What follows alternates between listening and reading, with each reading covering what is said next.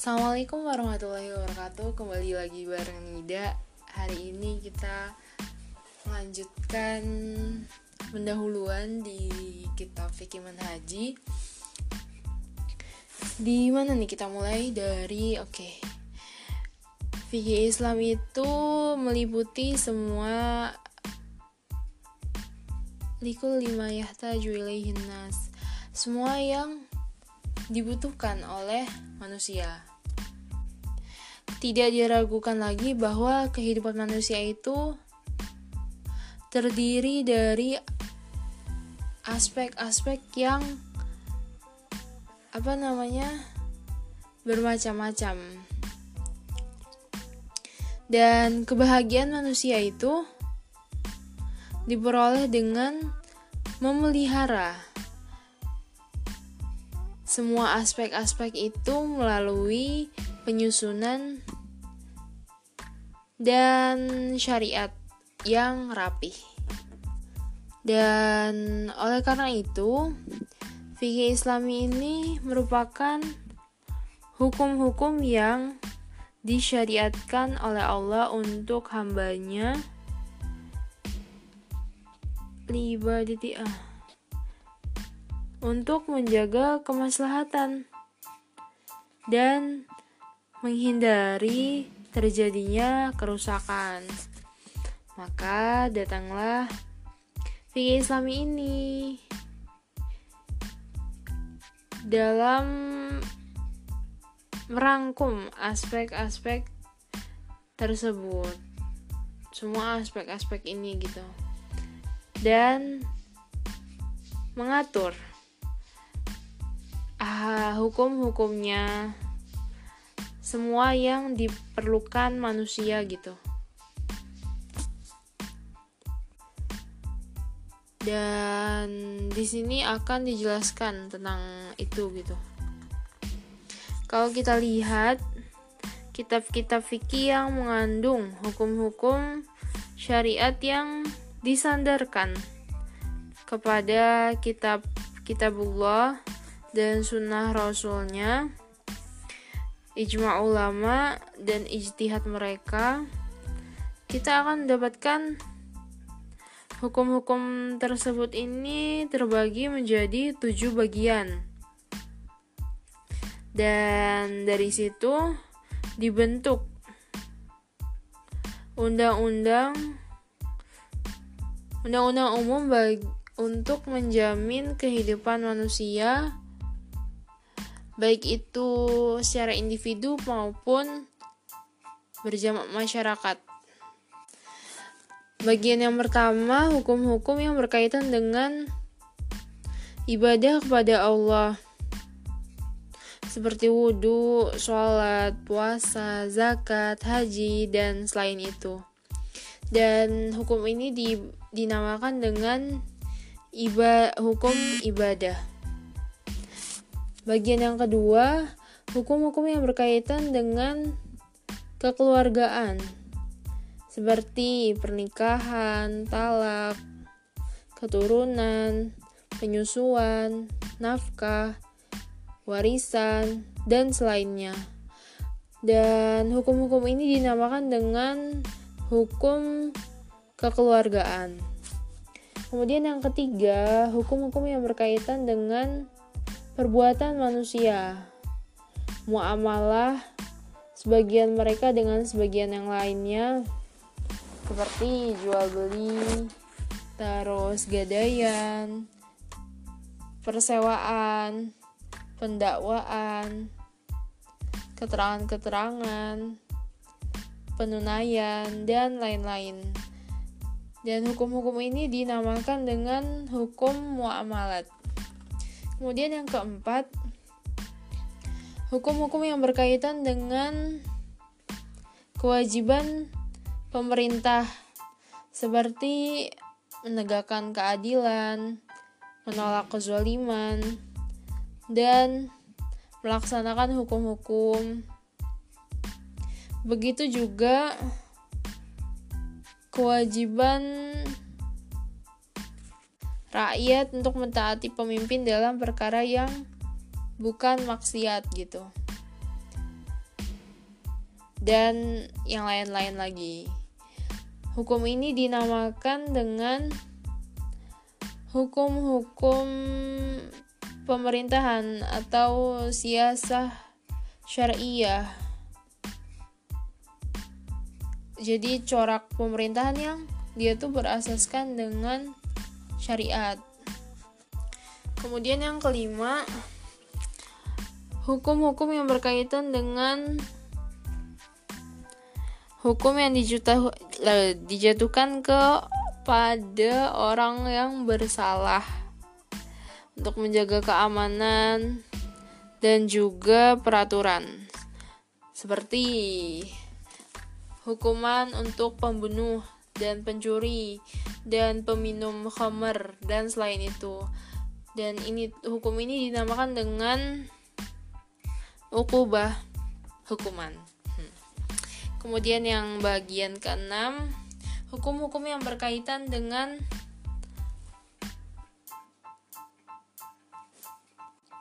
maksudnya mengatur hubungan antara negara Islam dengan negara-negara yang lain ketika peperangan dan damai. Dan juga selain itu, ini dinamakan dengan asyar. Kemudian yang ketujuh, hukum-hukum yang berkaitan dengan akhlak, sifat malu, berbudi baik, maksudnya bersifat baik, kemudian bersifat buruk dan yang lain-lainnya. Hukum ini dinamakan dengan hukum adab dan adab-adab dan akhlak. Wah, hakaza demikianlah kita mendapati bahwa fikih Islam itu syamil, merangkumi hukum-hukum yang berkaitan dengan seluruh keperluan manusia dan mengandung semua perkara yang sesuai dengan kehidupan mereka, baik individu maupun jamaah, maupun masyarakat. Selanjutnya tentang fikih Islam ini mementingkan kemudahan dan menghilangkan kesusahan, kesulitan. Arti kemudahan di sini adalah sungguhnya Islam itu adalah agama yang menjaga keperluan dan menjamin kebahagiaan manusia melalui hukum-hukum yang disyariatkan. Walizalik, manusia ini mampu dan berkuasa untuk melaksanakan semua hukum tersebut. Dan tidak ada yang tidak mampu dilaksanakan oleh mereka. Kemudian mukalaf yang menghadapi kesulitan dan tidak mampu melaksanakan tanggung jawabnya itu atau melakukannya kalau nih maksudnya atau melakukannya nih bakal menimbulkan masyakoh beban yang lebih berat disebabkan keadaan-keadaan tertentu maka Islam ini membuka pintu kemudahan dan keringanan baginya. Ah, dalil yang menunjukkan Islam itu agama yang memudahkan.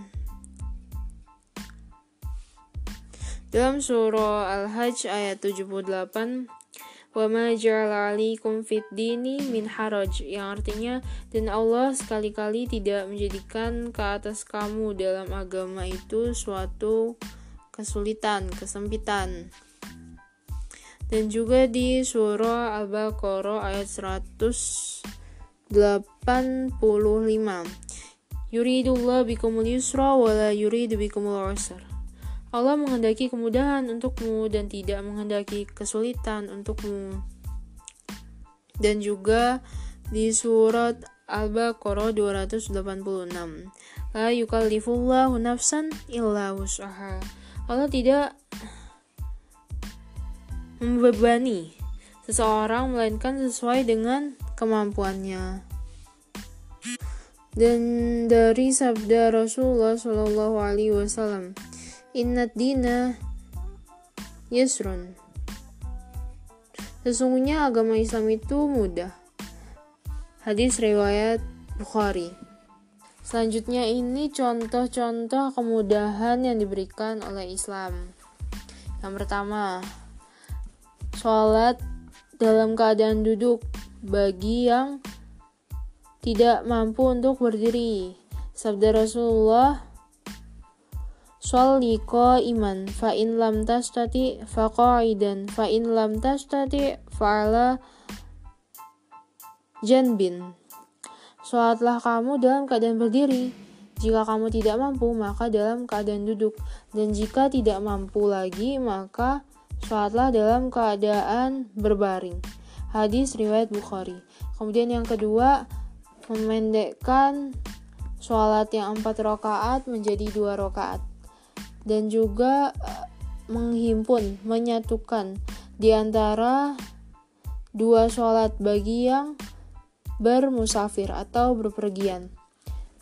Uh, firman Allah dalam surah An-Nisa ayat 101 Wa iza darabatum fil ardi falaysa alaikum junahun an taksuru minas sholah.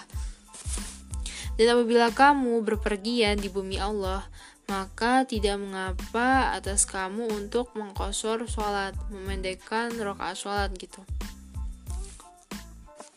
Nah, hadis riwayat Bukhari meriwayatkan dari Ibnu Abbas radhiyallahu an beliau berkata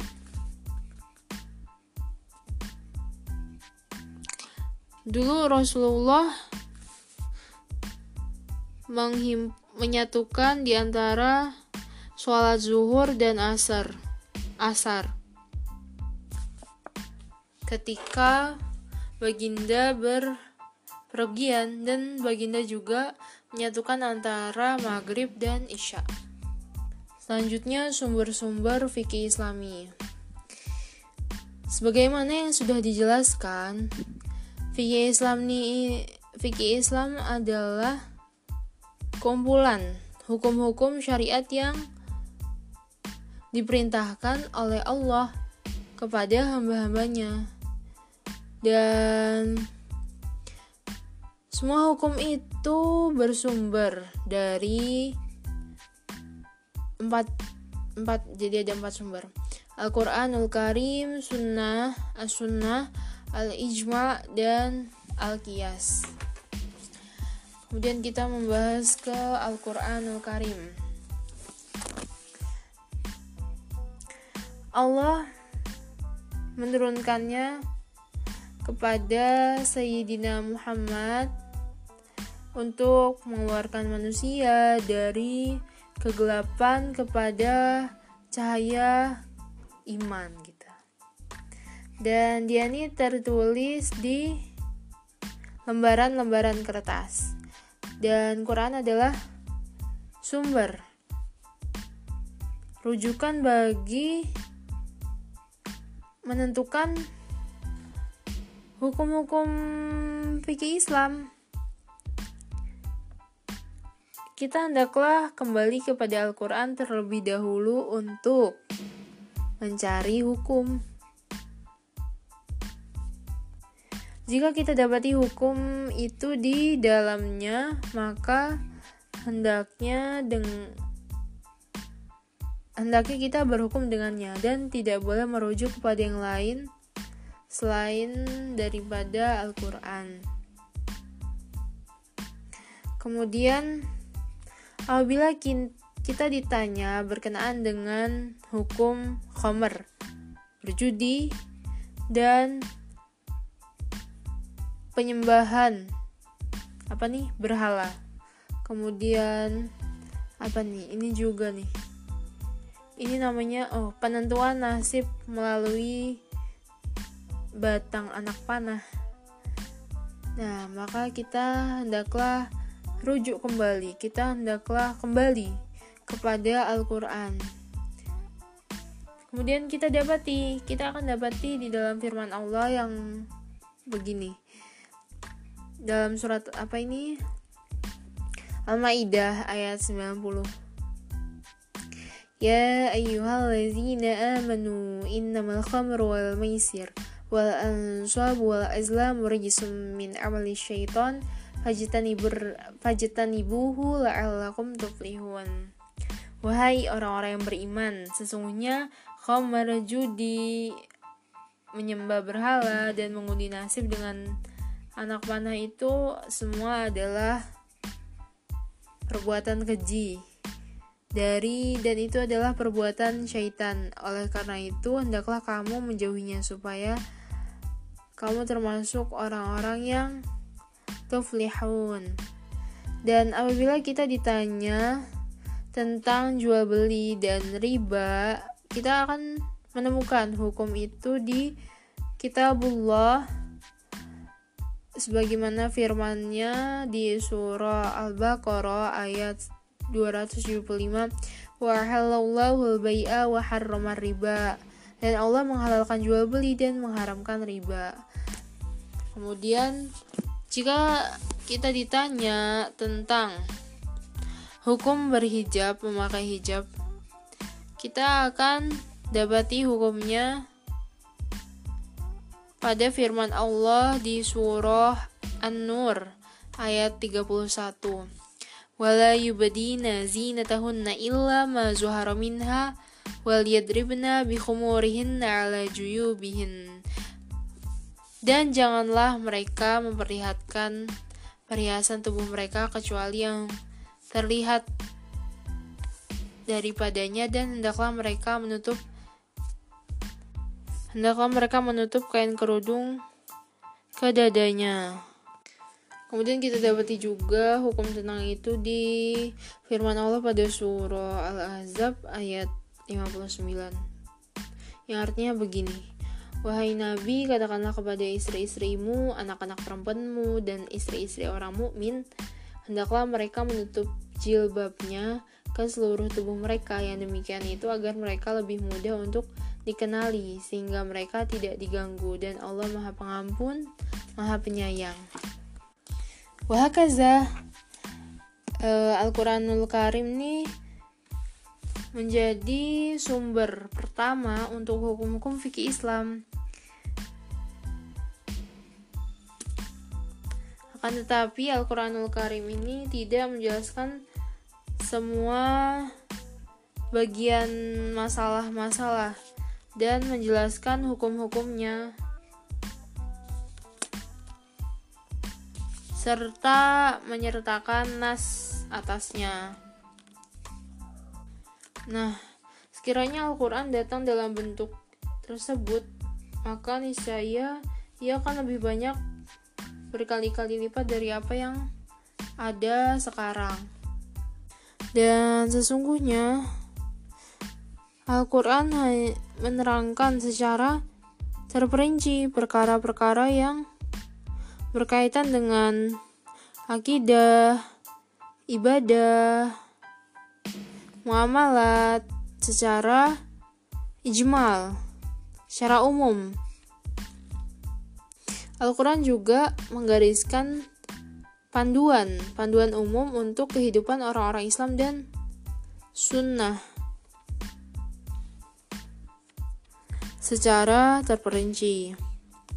Sebagai contoh, Al-Quran memerintahkan supaya mendirikan sholat, tetapi dia tidak menjelaskan bagaimana mendirikannya, berapa jumlah rokaatnya, Begitu juga dengan masalah mengeluarkan zakat. Dia tidak menerangkan seberapa kadarnya dan juga nisabnya dan harta-harta yang wajib untuk menzakatinya untuk dikeluarkan gitu.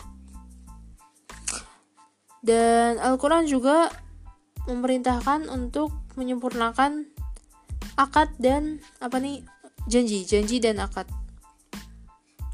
Tetapi tidak menjelaskan akad-akad yang sah yang wajib ditunaikan.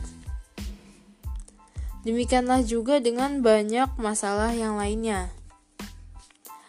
Walizalik, Al-Quran mempunyai hubungan dan kaitan dengan sunnah nabawiyah yang dia menjelaskan garis-garis panduan dan masalah yang umum secara jelas dan terperinci.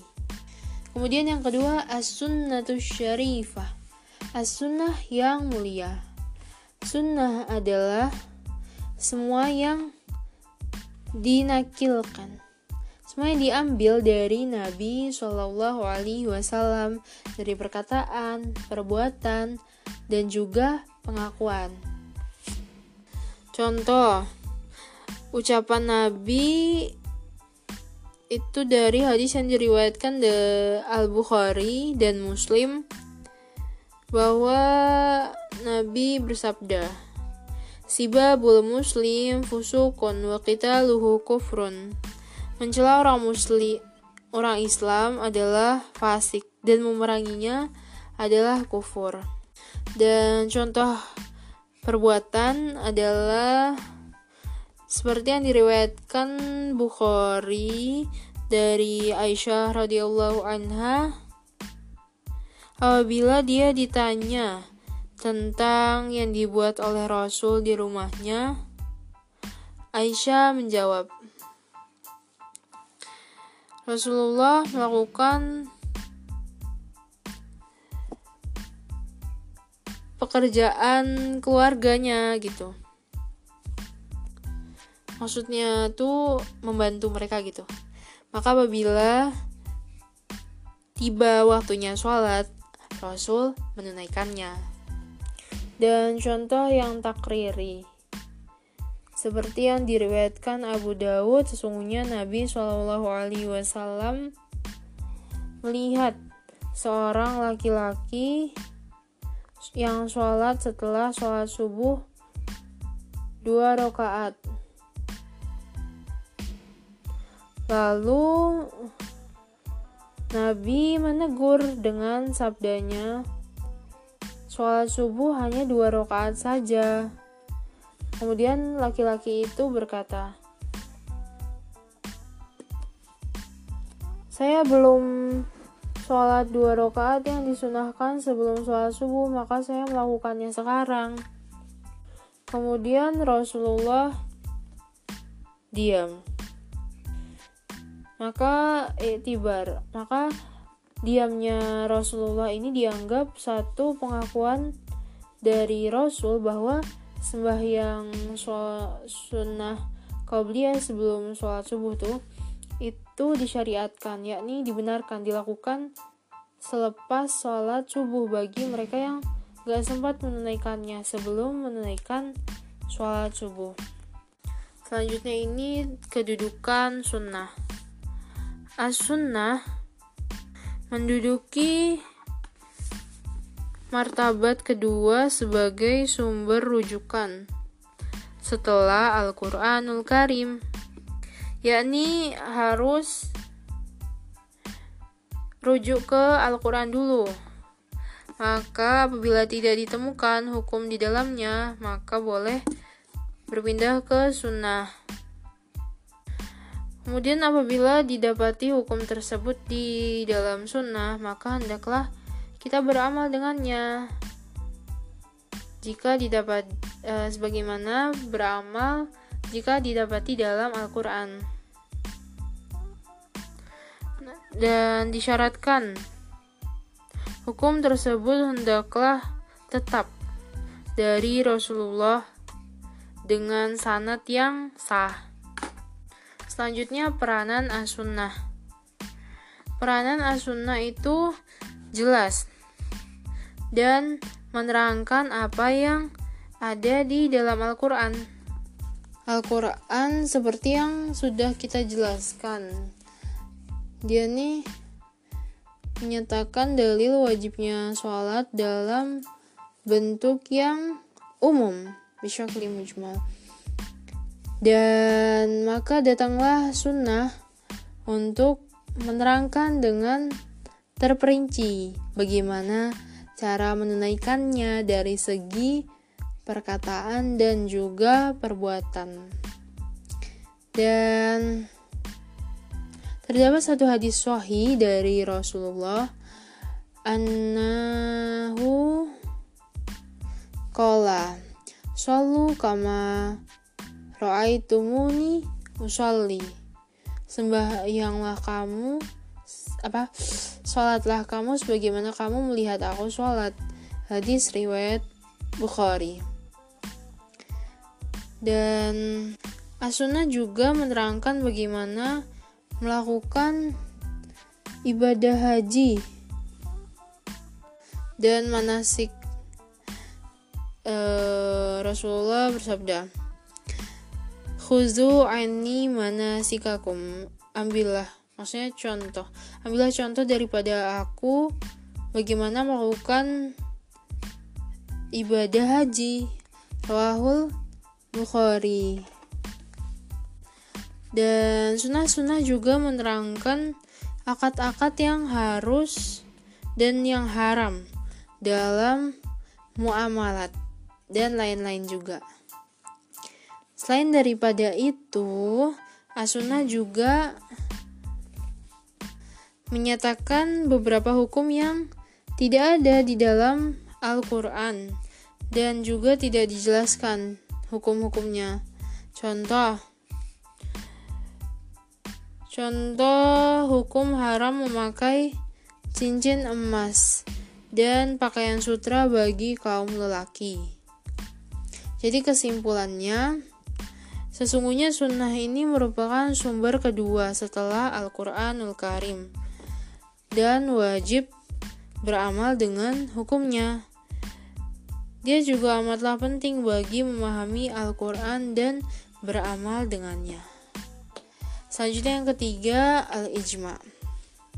Mana ijma adalah nih kesepakatan semua ulama mujtahid di kalangan umat Nabi Muhammad Shallallahu Alaihi Wasallam pada satu zaman yang terdapat hukum syariat. Maka apabila mereka bersepakat terhadap suatu hukum syara, maka persepakatan mereka itu dianggap sebagai ijma. Dan hukum beramalnya adalah wajib. Dan dalil dalilnya adalah Nabi pernah menyatakan bahwa ulama-ulama Orang Islam sekali-kali tidak akan bersepakat di dalam perkara yang menyesatkan. Oleh karena itu, apa yang menjadi kesepakatan di kalangan kesepakatan di kalangan mereka adalah benar. Dan oh, Imam Ahmad meriwayatkan dalam musnadnya daripada Abu Basrah Al-Ghifari radhiyallahu an bahwa Rasulullah telah bersabda, Sa'altullah azza wa jalla an la yajma'a ummati ala dolalah fa'ataniha. Aku telah memohon daripada Allah azza wa jalla agar umatku tidak bersepakat di dalam perkara kesesatan. Lalu Allah memperkenankannya. Contoh ijma. Sahabat radhiyallahu anhum bersepakat atas an-najat kakek-kakek mendapat seperenam bagian daripada harta warisan. Apabila yang meninggal ini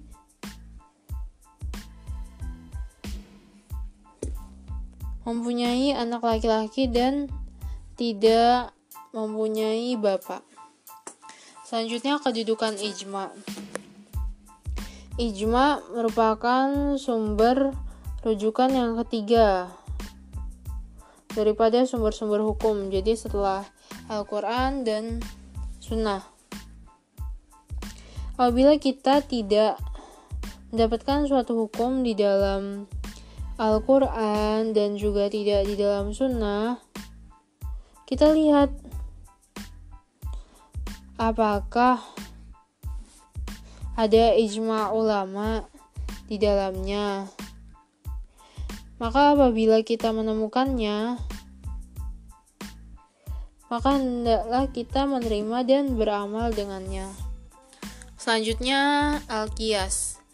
Qiyas ini menyamakan sesuatu perkara syar'i yang tidak dinyatakan hukumnya dengan perkara yang lain yang dinaskan hukumnya disebabkan ada persamaan antara keduanya dari segi ilah sebab yang membawa kepada suatu hukum kita hendaklah menggunakan kias kalau nggak mendapatkannya di Al-Quran hadis dan juga ijma ulama yang menjelaskan hukum tentang satu masalah tersebut selanjutnya kedudukan kias Kias ini merupakan sumber hukum yang keempat dari sumber-sumber hukum setelah Al-Quran, Sunnah, dan juga Ijma.